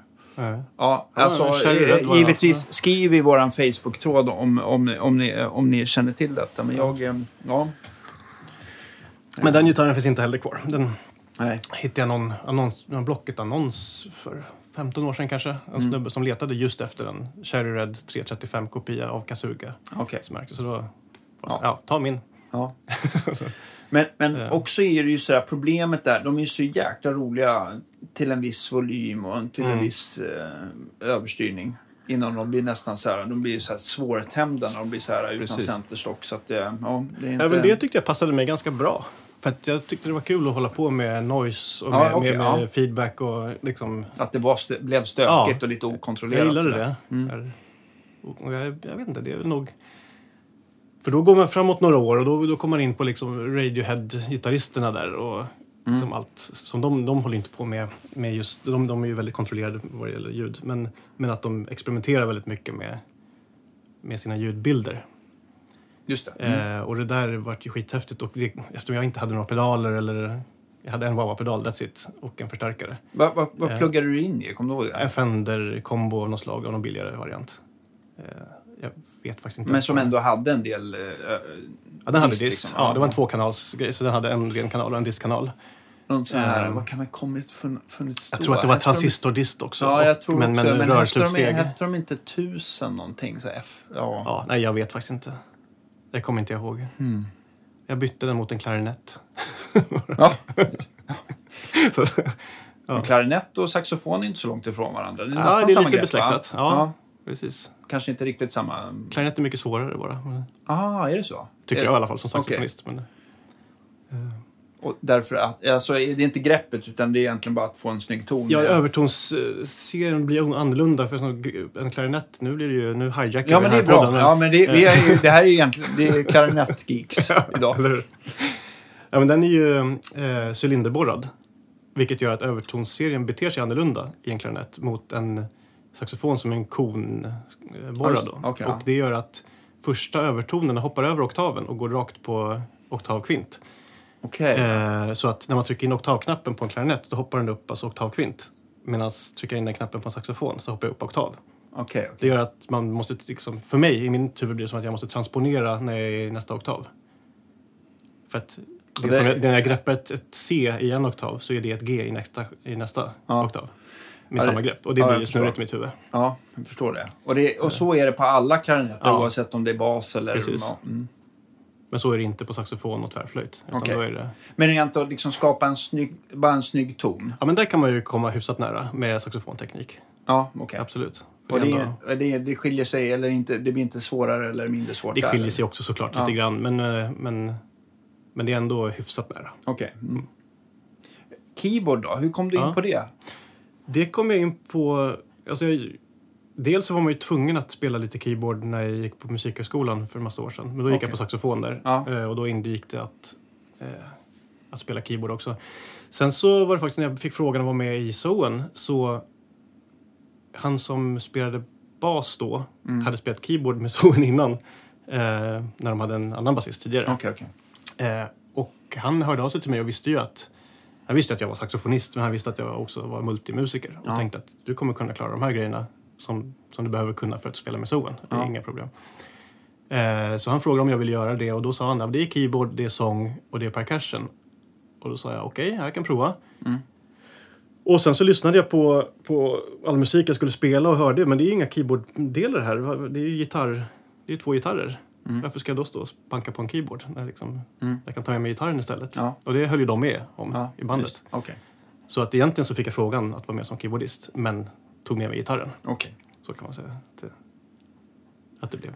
Så keyboard, jag inte keyboardist. Att, att kalla mig keyboardist bredvid någon, någon eh, Marcus Jägerstedt eller Edvin Navin eller så kan det, det vore ju ja. liksom som ett skämt. Men Ja. Men, men innan Musikhögskolan då som Mm. du kom in, gick du på något musikgymnasium eller hur? Eller jag gick- Folkis eller? precis, jag gick ute i Täby på Tibble gymnasium Ja. på estet, i en musikestetklass Ja. där.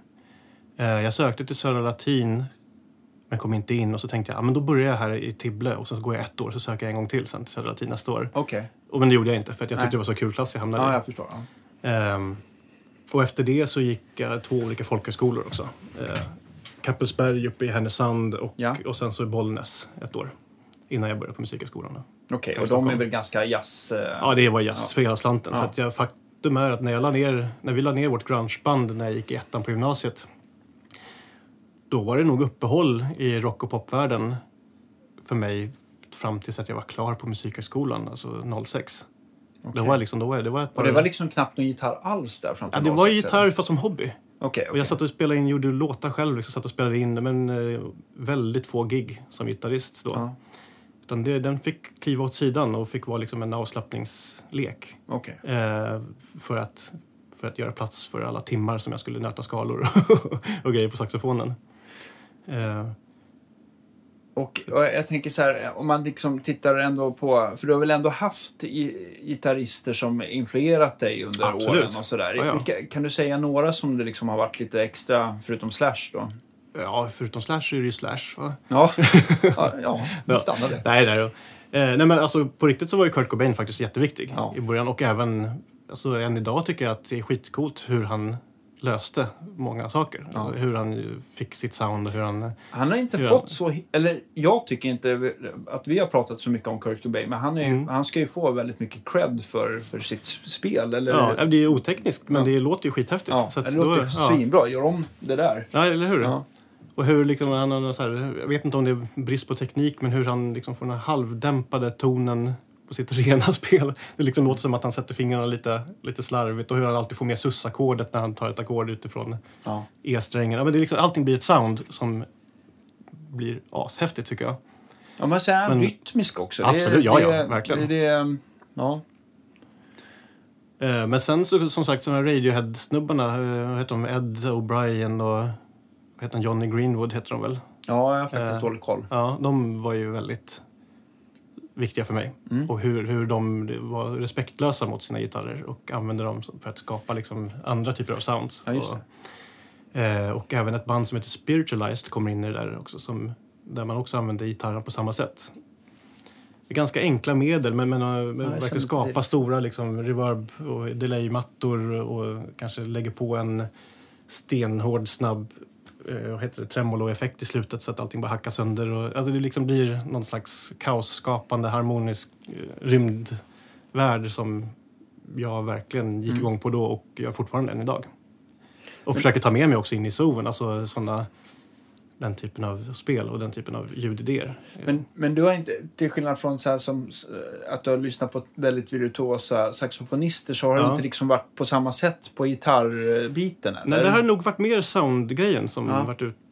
ja, men man får den känslan att, det Ja. lite, att det känns mer experimentlusta Mm. och, och sånt där. Nog för att den har varit, jag har inte känt något krav på gitarren. Du har inte- utan det har varit avslappning. Det har liksom Ja. sitta i soffan det, har kul. det räckt med, med 100 meter saxofon istället Ja, för gitarr. precis. Eh, och det gör att, att, jag får, att det är väldigt, fortfarande än idag, en väldigt härlig relation till gitarren. För att Mm. Nu har jag börjat öva. De sista åtta åren har jag övat ganska mycket för att liksom, ta igen sånt som jag tycker jag alltså, missar. Så alltså, jag, Zoan är ju inte, Ja. det är inte självklara gitarrer. Absolut inte. Man, det är Ja. lite elit eh, alltså, i sin Mm. genre. Jo, jo. Det kan man inte bara hafsa igenom. nej, nej, så är det. Nej. Det krävs övning. Och även innan jag gick med i Zoon så liksom hade jag satt igång och börjat öva gitarr ordentligt. Okej, okej. eh, det kan vi komma till sen. Men, Mm. men det... Ja, eller berätta. Hur, hur, hur, kom det upp att det liksom att saxo... För det det är inte så mycket saxofon längre utan nu är det... Nej, det blir mindre och mindre. Eh, eller jag, jag, står på Stampen ibland och spelar lite soul. Mm. Eh, och man gör lite sådana spelningar. Ja. Ibland så får jag fortfarande förfrågningar om studiojobb med saxofon. Och då, Blir det någon Ehm. rhythm and blues som... eh, som eh, Ibland, ja, ja. Absolut. Ja, det älskar jag. Ja. Får jag ringa dig när jag behöver en Det bra... får du så gärna ja, göra. Ja. Kul. Vi startar, startar en rhythm and blues-band där istället. För att prata. Mm. Nej, på saxofongeeks. Ja, alltså jag älskar... Om man nu får... Alltså, eh, rhythm and blues ligger ju väldigt nära mig. Ja. Just det här... Det är liksom en blues... Eh, variant som är ganska swingig. Absolut. Liksom. Och den, jag gillar ju de här... Och den, till skillnad från jazzlirarna som oftast att det var liksom lite mera polerad ton så är det Mm. många av de här eh, rhythm and blues-saxofonisterna som hade jävligt schysst alltså, Bett. bett. Ja. Men det är inte riktigt den här rock'n'roll-tonen heller. nej. Så det, nej, jag, Det som Charlie Parker kallar för grundtonssax. Okej. Precis. Ja, men det... Nej, men, det, eh, det, jag tycker också det är skithäftigt. Så just om man, alltså Fats Domino-grejer. Eh, och och räknas det, om det nu räknas in som rhythm and blues. Han säger själv att ja, men det tycker jag. för- Det är ju ändå så här New Orleans rhythm and Precis. blues. Men det är ju fruktansvärt bra alltså, om man Och- vill lyssna på. Och Så. hans saxofonist, vad han nu hette, tycker jag är ju helt brutalt Åh, det här bra. borde jag kunna. Ja. För det är inte han eh, Allen, vad heter han då? Lee Allen, Lee. Allen, precis. Mm. Utan någon annan som jag. Ja. Eh, nej, men det finns ju många svinbra saxofonister. Men jag tänker, om vi bara... Vi ska inte prata mer sax. Eh, jo, det ska vi. Nej, men jag tänkte på Charlie Parkers tidiga grejer när han körde med Tiny Grimes. Har Ja, du hört dem? absolut. Alltså, De här är från ju så 42 eller vad Ja, ja, det är ja, det är så bra. jävla bra. Ja. Det, är ju, det är ju också, det kanske inte är rhythm and blues riktigt, Nej, men, men det är ändå så här, det. det närmar sig. Mm. Och den jazzen tycker jag har, eller swing eller vad man ska nu Mm. kategorisera, det är ändå det är inte en swing, det är ju liksom storband för mig. Men, men det här var ju ändå typ så här gitarr, kontra, trummor, piano Precis. och sen så någon saxofonist. Liksom. Och där var Charlie Parker med på de Mm. första inspelningarna. Det är svinbra alltså. Mm. Ja, de där tidiga Charlie Parker-inspelningarna, de är ju helt... Ja, Ja. de- är sinnessjukt bra helt Ja. enkelt. Och man hör också hur han i sin, sin sinnesvärld har gått vidare medan de andra är kvar. Jo, Så men han, jo, men han, var ju fri, han var ju ja. friare är någonstans. Men han hade en, någon slags stilkoll så att Ja, det ja, blev inte dåligt. Absolut. Nej, Eller blev helt förbrickat. nej, nej, inte alls. Men, eh, eh, men eh, ja, nej, men vi, eh, vi, eh, vi lämnar saxen där. Ja. Eller rhythm and bluesen i alla fall. nej, men där... eh, eh, vad var frågan? Jo, Ja, var, men varför vi- tog det paus och hur kom den tillbaks? Ja, eller egentligen varför det blev mindre, eller mer och mer gitarr sen och Ja, mindre och mindre sax. Jo, nej men alltså efter jag hade pluggat klart så ganska snabbt så började jag spela med Miss Li precis när hon var eh, när hon skulle spela in första skivan. Åh, hon är ju svinbra. Bra Ja, pondus och verkligen. eh, röst och Fantastisk alltså. bra scenpersonlighet. och- Absolut. Och bra, bra personlighet också. Ja, okej. ja, det- kan jag inte svara men jag litar på Eh, det. nej, men så jag kom med i hennes band Mm. eh, nästan direkt där och var med där i sex år. Och de första åren så då var det bara sax. Men precis som mycket annat så utvecklas musiken och den ska breddas lite och då, då började jag först spela en hel del akustisk gitarr. Okej. Eh, för så, här, vad ska jag göra när det inte är sax på låtarna? Okej, jag kan stå och spela tamburin, Mm. men det blir inte kul hela dagen. Eh, så då sa jag till henne, men jag spelar gitarr också. Så, att, så att, varför kör jag inte akustisk gitarr här, som det är på skivan också? Eh, hon hade ju en gitarrist då också, Ja, och som hon fortfarande har, Sonny där. Men eh, ja, så det blev andra gitarr där och sen så utvecklades det att det också blev elgitarr. Så helt plötsligt hade jag tre saxofoner och två gitarrer och släpa omkring på turnén. Så där började liksom hela den här multimusiker... vad fick du släppa på då? Tenor? Tenor, bariton och sopran. Okej, inte Och flöjt allt. också kommer jag ihåg nu. Sista Jaha, turnén var, jag. med på flöjt också. men ingen allt? Ingen allt, Nej. nej. Eh, och sen så hade jag tre gitarrer med mig. Mm. En Acke och två elgitarrer. Eh, och en liten Blues Junior körde jag på då. Ja, just det. Så, eh, och då, där kom liksom intresset för... Eller där helt plötsligt så blev gitarren... Gick från att vara en hobby till att bli ett yrke igen. Ja, just det. Mm. Eller igen ska jag inte säga. Men, och och ja. vilket år är det här cirka? Det här är ungefär 10-12 år sedan. Mm. Någonstans Där du hoppar med eller slutar? Ja, jag, jag kom med 06. Okej, Och så ja. var jag med tills hela 2012 ut. Okej. Så att där, ja. Och då blev det, det blev mer och mer gitarr för varje skiva som gick. För det Okej. blev mindre och mindre blåsbaserad musik. Mm. Ehm, så där kom ju hela den, där liksom väcktes det intresset på riktigt igen. Och helt plötsligt började jag känna att men nu är det nog dags att uppdatera instrumentparken och se över vad man har och liksom, ta det här med gitarren på allvar igen. Ja. Som jag inte hade gjort på flera år utan bara haft någon gitarr som ligger och dammar i ett hörn liksom, som jag leker med på kvällarna. Men jag tänkte så här, för Zoen så är det inte så mycket Ja. Blues Junior antar jag. Vad- Nej. Men när- när du spelar live med Zoen, vad, vad, hur ser liksom det ut från, från din uh, Mm. Firebird-bestyckade strata Absolut. eller Firebird eller Ja. gitarr till, till högtalare? Kan du berätta lite om den kedjan? Absolut. Och då... Nu senast, eh, sen förra skivan så gick vi faktiskt över till digitala världen. Mm. För att vi, vi fick ta beslutet, ska vi ta med oss våra toppar och lådor eller ska vi ta med oss ljusrigg och göra en häftig show istället? Mm. Och då, vi fick inte plats med allting Nej, i, i trailern helt enkelt. Och då blev det ljusriggen som vann. Ja. Så nu är det Helix och då är det inte så sexigt att prata om. Nej, men alltså jag, Men tycker, jag jag, berätta om jag, det tänker också så här, det är användarvänligt, man sparar massa Ja. eh, pengar rent fraktmässigt och Mm. alltså toppar och lådor, eller lådor brukar man oftast hyra in, men, men Mm. jag tänker toppar är ju ganska, det, är en, ja, det blir dyrt i längden Mm. att släpa på det. Precis. Men innan dess så körde vi ju på det. Då hade vi med oss våra grejer. Och då, då har jag... Ja, vi börjar med förstärkaren. Vi börjar baklänges då. Mm. Eh, det var en JCM 800, tvåkanalsvarianten. 50 eller 100? Eh, 100. Mm. Så 2210 heter den Mm. nog. Eh, från 85 eller 86 har jag Ja. kikat på. Eh, Ja. ja.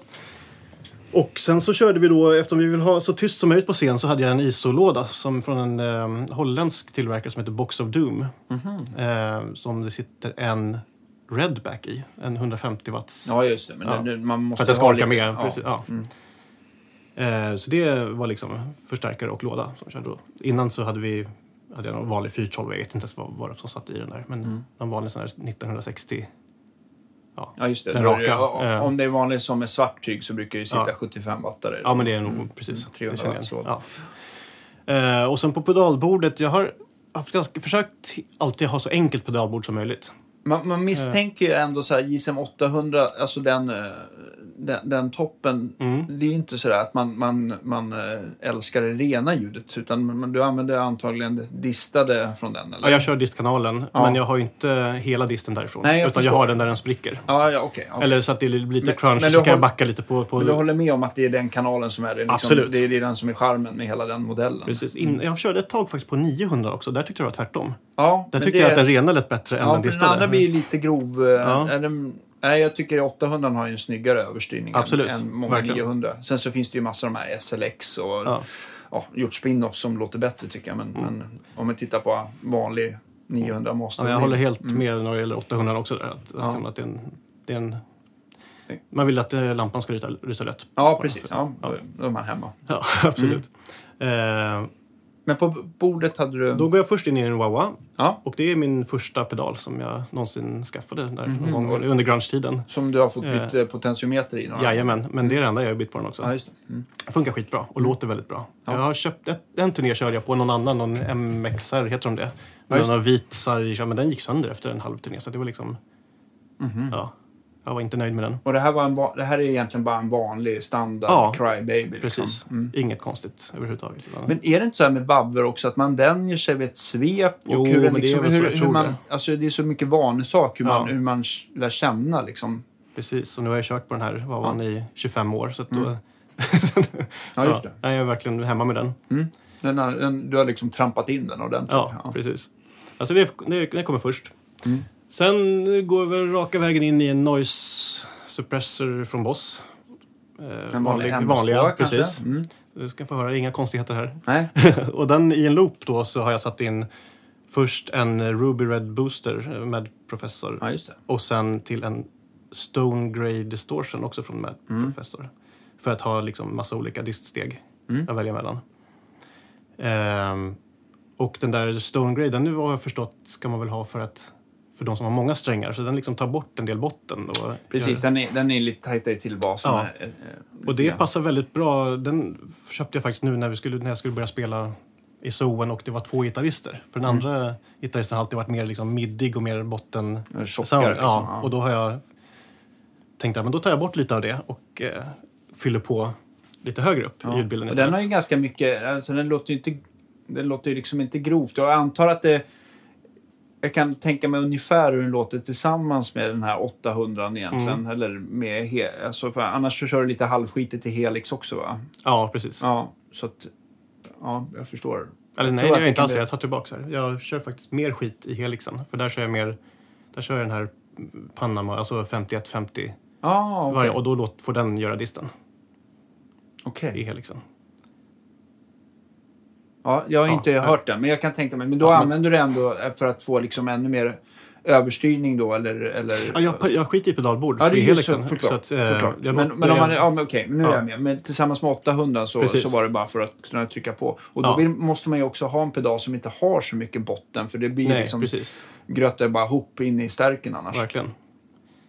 Alltså jag tyckte de, de två pedalerna, blir- det blir en fin kombo där. Mm. Och vill man att det verkligen ska mettla till sig då, då kan man liksom ha båda, både boosten och, Mm. och Stone Grey tillsammans där. Och, men de låter bra var och en för sig också. Men den är trevlig den där Ruby Red. Jag menar, bara, tittar man bara på såna här jazzgitarrister som Max Schultz så använder ju han den. Okej. Ja, bara alltså. som, alltså som in i, i en clean deluxe eller Ja. någonting sånt där. Det låter jättebra. Vet du vad som den låter väldigt bra också? Det har jag provat att ha den som en uh, preamp till akustisk gitarr. Aha. Rakt in i PA. Okej, Det men, låter men, skitbra faktiskt. men är det att just att den... Är det att den liksom distar till det lite grann eller är man mer försiktig Ja, med då, har, gainen ja, där? då har jag ingen gain, eller precis, då, då, utan då bara volymboost, Och- clean boost. Och presence där va? Ja, och då får man, eh, den liksom blir lite mer kropp och försvinner lite av det här, eh, vad ska jag kalla det för, det plastiga soundet som kan bli av en, av en pluggad, Mm. linad eh, akustisk gitarr. Men bra tips. Men det låter skitbra tycker jag. Ja. Och det blir lite kompress, kompression också i det. Har du jämfört något, alltså jämfört det med någon annan? För det finns ju till exempel sådana här... äh, TSA har ju dedikerade sådana... Uh, nu står det still bara. Vad heter deras mo- modell som är för Aki-gitarr? Resso någonting va? Ja, inte Nej. jag provat faktiskt.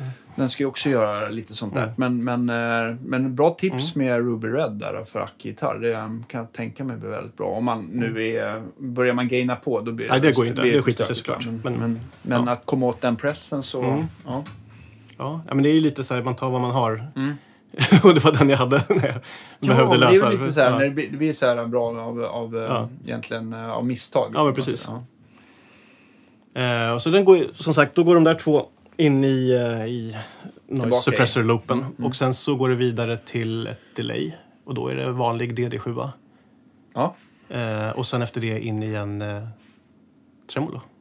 Vilket, vilket, vilket mode brukar du ha på DD7? För den har lite så här analog och digital och... Ja, jag brukar olika ha typer. en av de vanliga digitala, inte någon mellanläge där. Ah, ja, okej. ja, Mm. så, Med, alltså- mittemellan Precis. eh, studs. Ja. Exakt, så inga, inga extrema saker. Vi, Utan- vil, vilket tremolo fick jag åka på då? Då är det ett som var... Är Tremor, tror jag det heter. En ganska Okej. billig liten pedal som jag Ja. köpte på Elvan för Ja. en massa år sedan. Ja. Ehm, och ja, jag vet inte. Den gör jobbet. Det Ja. låter tremolo. Och det, det är säkert inte den som låter snyggast och låter bäst, men eh, den, Den, eh, den, Du blir glad, eh, helt Ja, den har jag kört så länge. Jag körde med den med Miss Li och körde den med, med Zoe nu. Och, den har varit med i alla år. Mm. Eh, och sen är jag snabb på också ner på golvet om jag vill göra några extrema effekter med de här eh, som jag pratade om, spiritualized grejen där när man Nästan att ta hackar- fyr, fyrkantsvåg. liksom. Exakt, en snabb fyrkantsvåg. Det tillsammans med ett långt delay och lite wah-wah-svep blir jätteroliga ljud. Mm. Jag tycker man kan Eh. ändå säga, nu förstår jag att du kanske vill ha för att få en mer effekt av tremolot, men ibland så kan det ju vara snyggt att faktiskt ha delayet efter Absolut. tremolot också. Jag, jag, jag har inte riktigt bestämt mig vad jag gillar bäst faktiskt. Ja, jag bestämde mig nog, tog det beslutet att, att sätta det tremolot sist för att jag ville ha fullt ut av den. Absolut. Eh, ibland så alltså får jag ställa den väldigt försiktigt istället om jag bara vill att det ska liksom röra på sig. Ibland vill man ju bara att ett ackord ska röra på sig men Ja. man ska inte tänka på att det är tremolo. Utan Okej, man vill okej. bara ha liksom någon Mm. slags...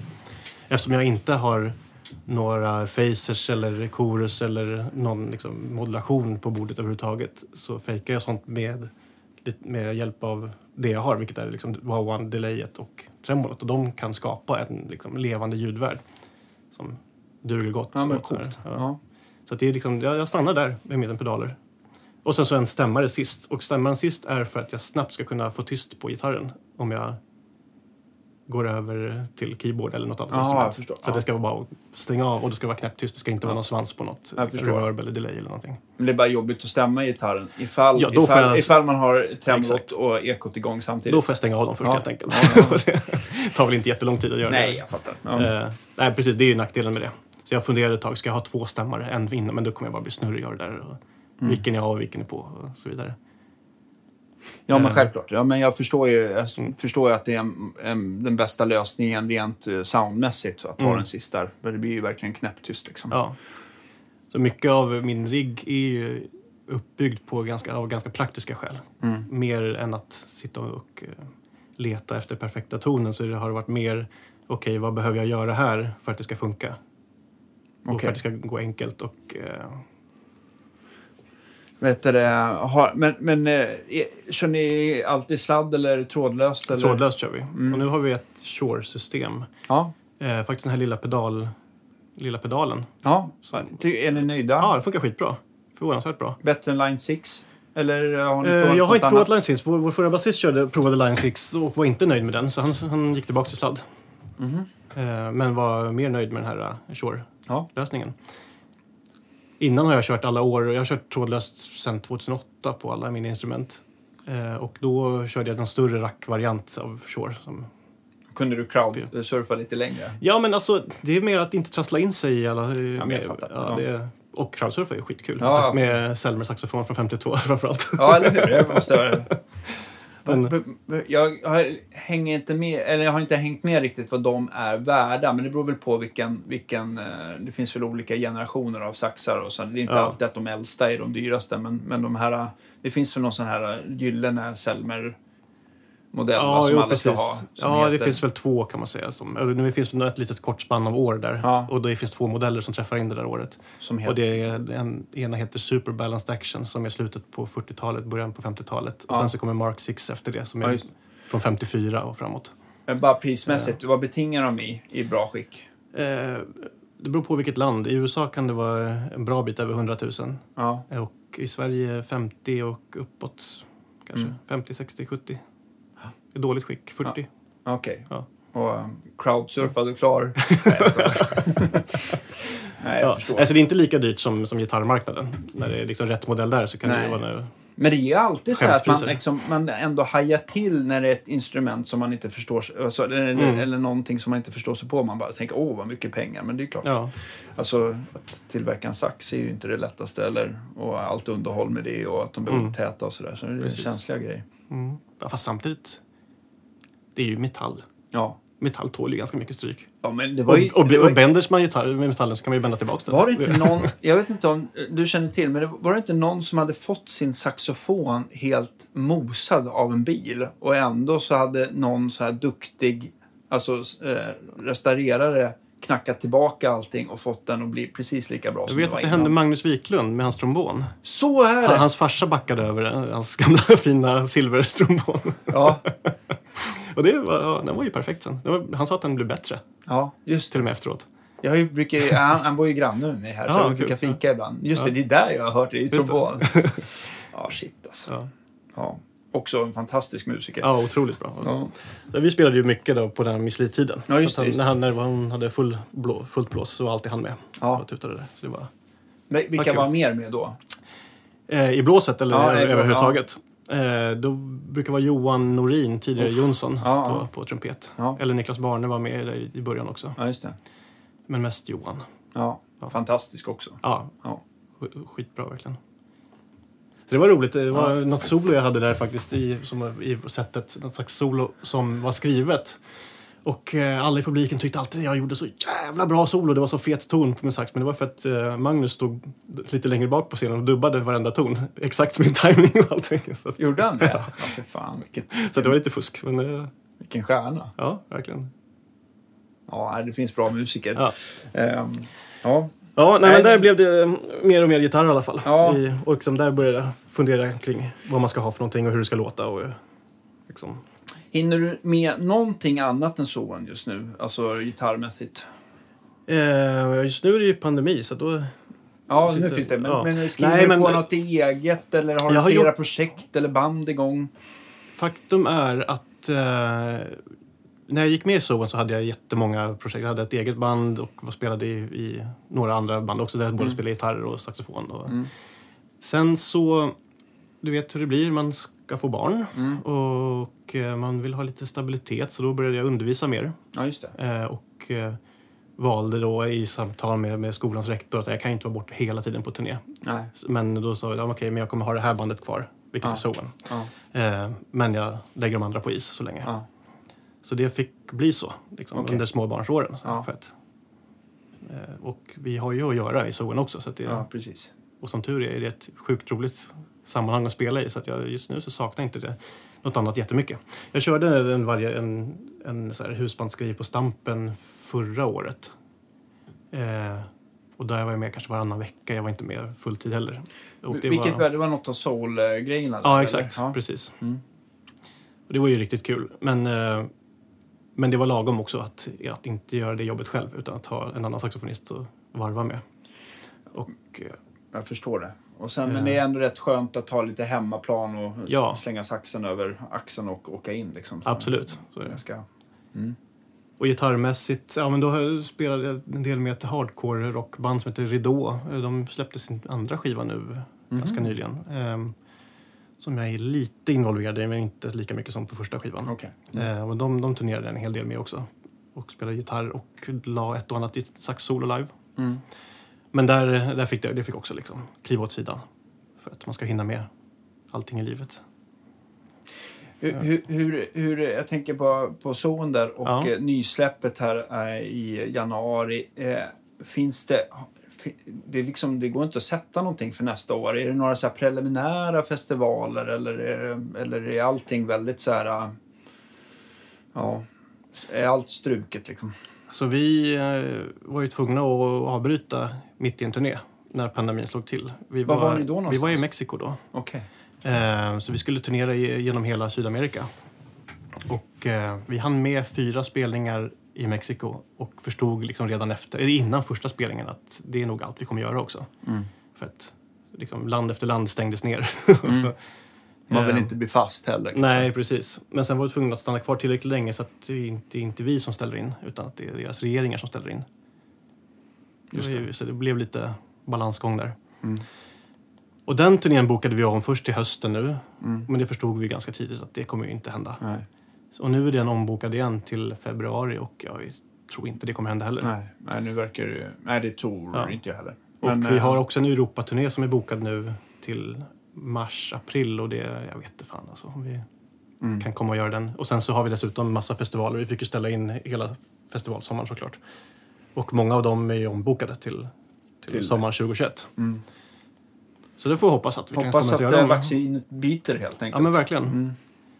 Det är många spelningar som Ja. vi har kvar det- att göra. ja, och sen så dessutom en ny skiva som man ska Ja, det är ju kännbart ekonomiskt också. Det är ju tur att Absolut. du har eh, undervisningen där. Men det är, Jo. ja, det är, det är Jo, inte så kul när det bara, när Nej, det det bara sparkas undan Det är ett stort slag för oss alla. Ja. Eh, Både crew och bandmedlemmar och folk runt omkring. Nu har det ju kommit lite så här stöd för folk som inte har Mm. aktiebolag också, men det verkar ju också vara väldigt knepigt att Ja, få. eller hur? Men eh, mm, vi får se om eh, det bättras där. Eller hur?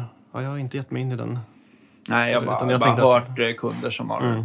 har försökt då. Det var, Ja, nej, jag man får det avslag om man bara är ens aktiv på sociala medier, Ja, vilket det. låter konstigt. Ja. det är väl ändå antalet gig och inkomster som Ja, nej, men det där är ju så Men, märkligt så att det ja. inte är sant. Det känns som att, ja. Men eh, ja, vi får se hur det urartar. verkligen.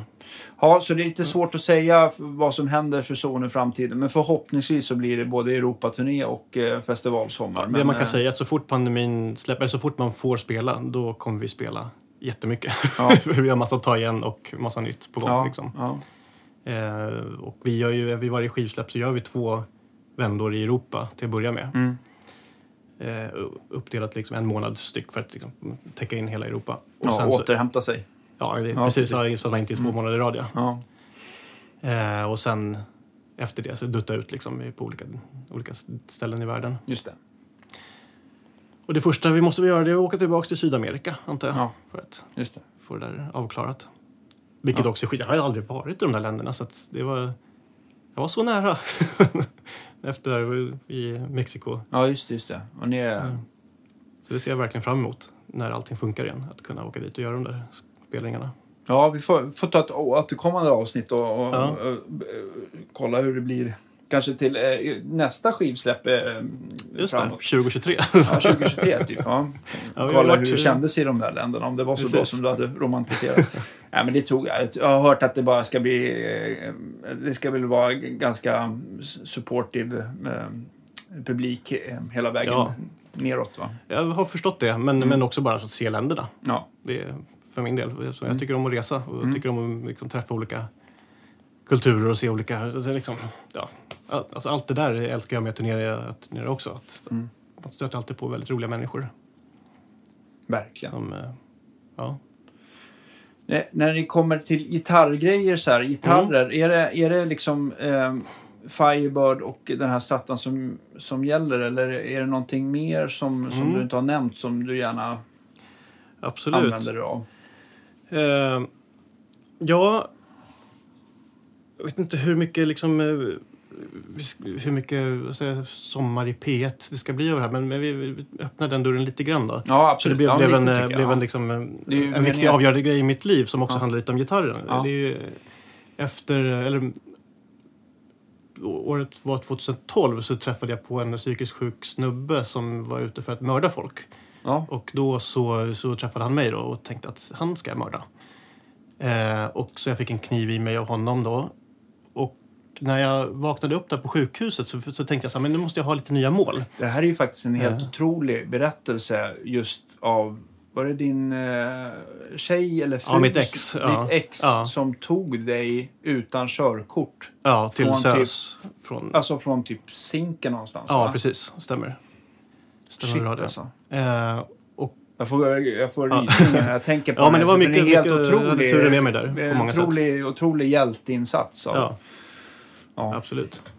Eh, men där när jag vaknade upp på sjukhuset då, då tänkte jag så här, men du vet, man måste ha mål. Första målet var jag måste tillbaks och ut på turné med Miss Li. Det var liksom Mm. bara, bara för att man, nu måste vi liksom Mm. titta framåt här. Eh, och jag har alltid drömt om en röd Les Paul.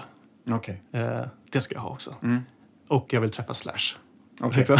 och alla de här grejerna ja. lyckas jag kryssa av inom Ja. loppet av två år efter det här. Ja. Så. Ja. Eh, men vad som hände då var att jag fick under, under rehabiliteringstiden så fick inte jag spela saxofon. För att de hade opererat i mage och lungor och, och sådär. Så att, eh, och jag måste ju hålla på med musik. Så Mm. helt plötsligt så började jag öva gitarr jättemycket. jättemycket. Mm. Och det har liksom följt med sen. Så där någonstans, så även fast jag hade spelat gitarr professionellt några år tidigare med Miss Li då igen. Mm. Eh, så blev det på ett helt annat sätt från 2012 och framåt. Där jag Ja, verkligen just började nöta gitarren och Ja, tog just den på, på mycket stort allvar. Och det började med att jag inte fick spela saxofon. Mhm. Eh, och sen så köpte jag den där röda Les Paulen som nu är någon slags backup-instrument bara. Vi får sätta Eh. Firebird-mick i den också. Ska vi säga. ja, jag har, precis, jag har bytt redan en massa grejer på den. Jag har bytt till Lundgren är det, sitter Heaven 67 sitter i den. Och så har jag bandat om den. Nej, jag har på att py- pyssla med den där gitarren. Mm, ja, det är en 72 från början. Aha, eh, okej, deluxe eh, med sån här eh, pancake-kropp. Och, Okej, men som är, som är lite så här cherryröd. helt Ja, enkelt. exakt. Ja, Ja. mörk, mörkröd. Fast Precis. transparent, man ser träet Ja. under. Mm. ja, det är jättefin gitarr. Den spelar skitbra. Den är factory second är den också. Men det gör ju ingenting. Det en Nej, men det brukar ju vara någon lite skönhetsfel Ja, exakt. sådär. Precis, det är en liten spricka i, i toppen. Just det. Ehm, nej, så den där började jag spela väldigt mycket på. De första åren med Zoen faktiskt. Mm. Den där röda Les Paulen. Innan jag köpte Firebirden. Som blev min number one. Ja, just det. Ehm, och Stratan har ju hängt med väldigt länge. Den som du, den vita Stratan som du Ja, satte men den in. är jättebra tycker jag. Ehm, men den blev verkligen, kom till sin rätt sen vi byggde om den. Ja, precis. Och också det här, jag vill ju gärna ha två volymrattar på mina strator. Mm. Ehm, för att just av det här samma anledning som jag har eh, vad heter den, stämpedalen sist. Så vill jag också kunna få tyst på gitarren väldigt Just snabbt. just. Och då kan jag ha en mick av vriden och sen bara flippa på switchen så blir det tyst. Ja, just. Just det. Ehm, så det är bara av praktiska skäl. Så. Ja, men det var en bra Mm. lösning. Kommer Man får ihåg. det, det kunde ju Magnus också CNC-fräsa fram det där Ja, precis. så det blev ju lite speciellt. Liksom. Ja, den blir väldigt snygg på det sättet också. Mm, För den ser ju väldigt konstig ut. Mm. Ja, det är Folk två reagerar på en den. Firebird-mick i stallet. Liksom. Ja. Två volym, eller två rattar. det blir Liksom. som ett så här oändligt tomrum där mittenmicken brukar sitta. Ja. Men det är många som stör sig på den. Jag gillar ju Ja. mittmicken, men Jo. det är många som tycker att den är i vägen. Så där, så att, det inte har, att det inte har kommit mer sånt är ju konstigt, tycker jag ändå. Ja, Men, ja. ja, jag vet inte. heller. Jag har aldrig, tror jag aldrig använt den här mittenmicken Nej. under alla åren. Så att, tänkte, vad ska den vara där för? ja. Mm. Nej, men absolut. Eh, och vad har jag mer? Sen, sen så, du, du har jobbat med en annan gitarr som jag köpte en svart strata också. Mm. Som liksom, jag inte vet vad den kommer få, få jobb. Om den kommer vara någon backup eller om den kommer vara någon huvud. Vi får se. Ja. Nu, nu, just nu tycker jag den är roligast att spela på. För Okej. att det är den nyaste. Ja, men såklart. Ja, ja. Eh, men sen får vi se när jag går tillbaka till Firebirden om man säger åh, det här är ändå min gitarr. Men, Eh. om, men- men om jag ställer frågan som man Ja. brukar, att det, att det börjar brinna hemma och du bara Ja, får det. möjlighet att greppa eh, en gitarr, då, då Då blir det röda Les det Paulen. blir det. Ja, Ja. jag misstänkte det. Det blir ändå det, för den är liksom, den finns något emotionellt kring. Ja. Även fast jag inte spelar på den. Ja, den är med på ett solo på nya skivan. Okej, ja. That's it. That's it. Mm. Och det gjorde den bra. Nej, den är ju en jättefin gitarr och den låter, den låter väldigt bra och är väldigt skön att spela på. Men, men den är tung Mm. och den liksom är inte lika... Jag vet inte, just nu så Strator är också det här lite längre hals tycker jag är ganska kul faktiskt. Ja. Som än en gång, man är ganska lång och då... Ja, det passar att det finns lite Ja, men mer just den här längre skallängden. Ja. Ja. det blir lite en annan känsla i Mm. instrumentet också. Precis. Lite mindre svamp på något sätt. Ja, men, men lite fastare. Ja. Ehm, men Firebirden, det är mitt enda spontanköp egentligen. Mm. Då var jag på Guitars museum. Just det, Och, eh, Umeå. ja, och då, de har ju en fantastiskt fin Firebird-samling där. Mm. Och sen så då låg det ju Four Sound där nere i Ja, precis. Mm. Och då hade de min Firebird där på Vad, vad liksom, blev det för färg på den? Var det en Sunburst? Är en eller? Sunburst, Mm. klassisk vanliga. Liksom, Tremickad, tvåmickad? tvåmickad, Mm. eh, vanlig stopp tailpiece. Mm. Eh, ja, inga konstigheter. inga konstigheter. ny 2016 och liksom sådana här Steinberger och skruvar, vad heter det? Alltså, Alltså tänker du på mekaniken? Ja, just exakt. det. Ja, just det. Med de här som... Som- ja. så inte de här banjo, eller det kanske är banjo, jag, vad vet jag. Ja. Hur som helst så var det liksom det enda spontanköpet jag gjort för att jag plockade upp den där och det kändes så jävla rätt på en gång. Mm. Det är inte så ofta det brukar, jag brukar känna så, men där var det så här, jaha, här var, min, sight. här, ja. här var min gitarr. Ja. Då hade jag inte ens pluggat in den än. Utan det var bara, det här var rätt. Ibland så kan man ju nästan Ja. känna att man, man känner att gitarren har någonting bara rent akustiskt. Absolut. Så att man vet att Ja. det här kommer bli bra i alla fall. Så. Verkligen. Och sen som eh, Noel Gallagher säger, att man måste ju titta sig i spegeln när man köper gitarr. Att de låter ju likadant ändå. Och den är ju sjukt snygg den där Firebirden, så det är klart att det spelar in också. Ja, de är, skit, de är jätteballa tycker jag. Ja. En rolig modell. Mm. Eh, och, man, eh, finns det någonting så här eh, på, um, avslutningsvis här, som är så här på Bill Höver-listan på gitarr? Alltså oavsett Ja. om det är pe pedaler eller gitarrer eller ja, vad det nu kan Ja, vara. man vill ju alltid ha mer och jag, jag skannar alltid blocket. Okej. Och eh, alltså det är så här uppdateringar varje dag bara för att det är kul. Ja, men just att du har Eh. några bevakningar sådär. Ja, har precis. du bevakning efter något speciellt som du letar efter? Jag har bevakning på eh, Fender, Gretsch och Gibson. så Ja, bara- bara i stort sådär, Ja, för att se vad som finns. Ja. För jag, jag, gillar, jag tror att PRS är med där också för som bevakning. ja. Fast PRS kommer jag nog inte köpa för där är jag ändå kvar i någon slags den här nu metal grejen. Att det Mm. var lite skämmigt att ha PRS. Även fast jag tycker de är sjukt bra instrument. Ja, De det är, det det är rakt och snyggt. Det går Ja. inte att säga någonting annat. Men eh, jag ser inte mig själv stå med en sån på scen. Nej. Eh, jag ser gärna andra göra det och har Ja. inga problem med det. Men Men du tänker på för mycket på Noel Gallagher där? ja, han körde väl i och för sig... eh, Jo, men jag tänkte på att man måste se sig själv Ja, i ja, spegeln. ja precis. Ja, Ja, men eh, jag, jag är så ytlig. Närmar mig 40 bast. ja. Ja, ja, men lite så. Instrument ska vara snygga. Mm. Det tycker jag faktiskt. Och så tänker jag med saxar och med gitarrer. Det ska vara snyggt. Men finns det någon ful sax? Eller det kanske finns Ja, kulörta, konstiga... Ja, det finns så här med stars och stripes och det finns liksom de svarta saxar. Nej, det går inte. Nej, det, Klassiska. ja. Så länge det är precis någon, någon, Någon lack på bara. Eller Martin eller Men de snyggaste är ju de här där lacken börjar krackelera och det börjar... Ja, just det. Man tänker ju inte på att de är lackade, men det är Nej. någon nytbehandling eller någon finish där för Absolut. att få dem lite blankare Ja, ja. såklart. Eh, nej, så att det, det... Men eh, just nu, sen jag köpte den här eh, senaste stratan, den svarta stratan med två, två humbuckers i, Mm. så eh, känner jag mig att jag har det jag behöver. Ja. Och jag är ganska alltså, enkel på det sättet. Mm. Jag vill ha det jag behöver. Jag tycker inte om, jag är ingen samlare. Nej. Utan det irriterar mig att ha massa grejer som jag inte, som ligger och skräpar. ja, jag, jag är beredd att hålla med faktiskt. Ja. Så att jag gör mig av med grejer. Nu har jag inte sålt så mycket gitarrer för att jag inte har köpt något om jag inte Okej. behöver det. Men dyker upp någon på bevakningen här så... Ja, kanske. Ja. Mm. Och man råkar ha några pengar över så Ja, vet precis, jag aldrig. precis. Ehm, och pedalväg, så samma sak där. där jag liksom, jag har mitt bord och det har sett likadant ut i Mm. över 10, i 12 år kanske. Och det funkar skitbra. Jag känner det där bordet utan och innan och vet precis. Och jag kan göra jättemycket mer. Just. Mer än att bara liksom, här är en boost, klick. Mm. Utan det mer hur, alla kombinationer av allting. Mm. kan skapa en stor palett av ljud. Och om man dessutom börjar skruva på gitarrrattar och, och har sig. Och liksom, Mm. eh, än en gång det här att se lite respektlöst på sitt instrument och vända och vrida på det och se vad, vad, vad finns det för knappar på den här? Vad kan man göra? Ja, just. Just det. Vad, vart, vad finns det för möjligheter? Så försöker jag se på det. Ja, men den svarta, den har vi inte Mm. satt i... Den har vi inte experimenterat så mycket med mickar och sånt där, utan nu har låtit den vara, va? Vi bytte ju till bytte vi? Lundgren det, på dem. såklart. Och Ja, de just låter det, ju svin, ja, Ja. låter ju svinbra de där mickarna. Det, var Det blev som du hade bra. tänkt dig. Ja. För den stallmicken är ju som att den kliver på lite mer mellan Precis. riset. Om, framförallt om du jämför med de här Heaven 67 som Ja. du har på mm, Paulen, va? Precis. Mm. Och sen så halsmicken där är ju väldigt Ja, den låter öppen och fin. sjukt, sjukt snyggt. Ja. Alltså. Jag funderar faktiskt Ja. på att ibland rekommendera den även som Aha, mm. stall. Så att Mm. man kan liksom få de mickarna ganska nära varandra. Mm. För stallmicken är ju lite rockigare och det beror Mm. på vad man ska använda för sound. Men folk som vill ha köra lite mer enbart cleana eller Mm. lätt smutsade sound så tror jag att den skulle vara grym även till stall, som stallmick. Alltså. Just det, ja. Men, ja, eh, jag, säkert. Ja. Ja. det blir väldigt bra den där. Och jag gjorde ju samma sak där också med att ta bort, alltså sätta två volym Ja. och eh, trevägsswitch bara. Just. Så att det blir som en Les Paul-koppling nästan fast med en ton istället för två.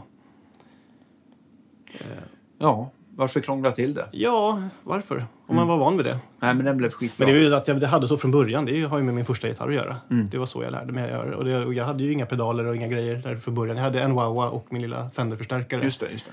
Eh, så ville jag spela rent och inte kunde trycka på någon knapp så då var det liksom, satt jag i halsläge och skruvade ner ton, eh, volymkontrollen. Det förstod jag tidigt att Mm. det verkar bra. Ja, det verkar bra. Det Då fick bra. man också volymtrycket när man liksom bytte till stallmicken. Som Ja. jag tyckte ofta... Men det funkar väldigt bra att ha det så tycker jag också. Ja. Arbeta. Det är ju konstigt att inte fler har gjort så helt enkelt. Däremot har man tre mickar då blir det ju knepigt. Nej, det går inte, såklart. Men, men har man två mickar, Mm. Varsin mick går direkt till varsin potentiometer och sen så Mm. till mickväljaren då. då så Ja. det ju absolut inga problem. Är- Du sa ju någonting om att de käkar upp lite av varandra om man ska blända. ja, De har båda ja, lite ja, neddragna. Ja. Att det liksom... Ja, ja, om du har bägge mickarna samtidigt kan Ja. det säkert hända någonting. Men däremot som på en jazzbas Mm. Där är ju liksom bägge mickarna, de har ju ingen mic-switch va? Där, där just lastar ju bägge volymkontrollerna ner vardera mick liksom lite grann. Okej. Så Mm. det, det kan ju bli lite mer tryck av att man, man, man har en mickväljare och en Mm. volym istället då istället för två Just volymer som, som Mm. går. Ja, men det är så sällan som jag befinner mig i mittenläget där. Så Ja. det, ja. Men eh, ja, all elektronik bromsar ju på ett eller annat sätt. Ja, så är det ju bara.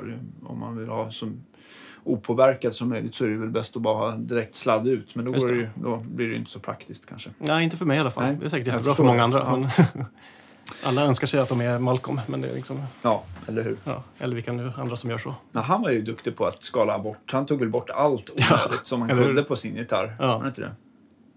Och emellan gitarr och förstärkare också vad jag förstod. Ja, visst. Det var Liksom, bara ja. inga konstigheter. Lät ju ganska bra. Stå nära Phil Rudd för att få... Precis, När de har tänkt ut det där i minsta detalj. verkligen.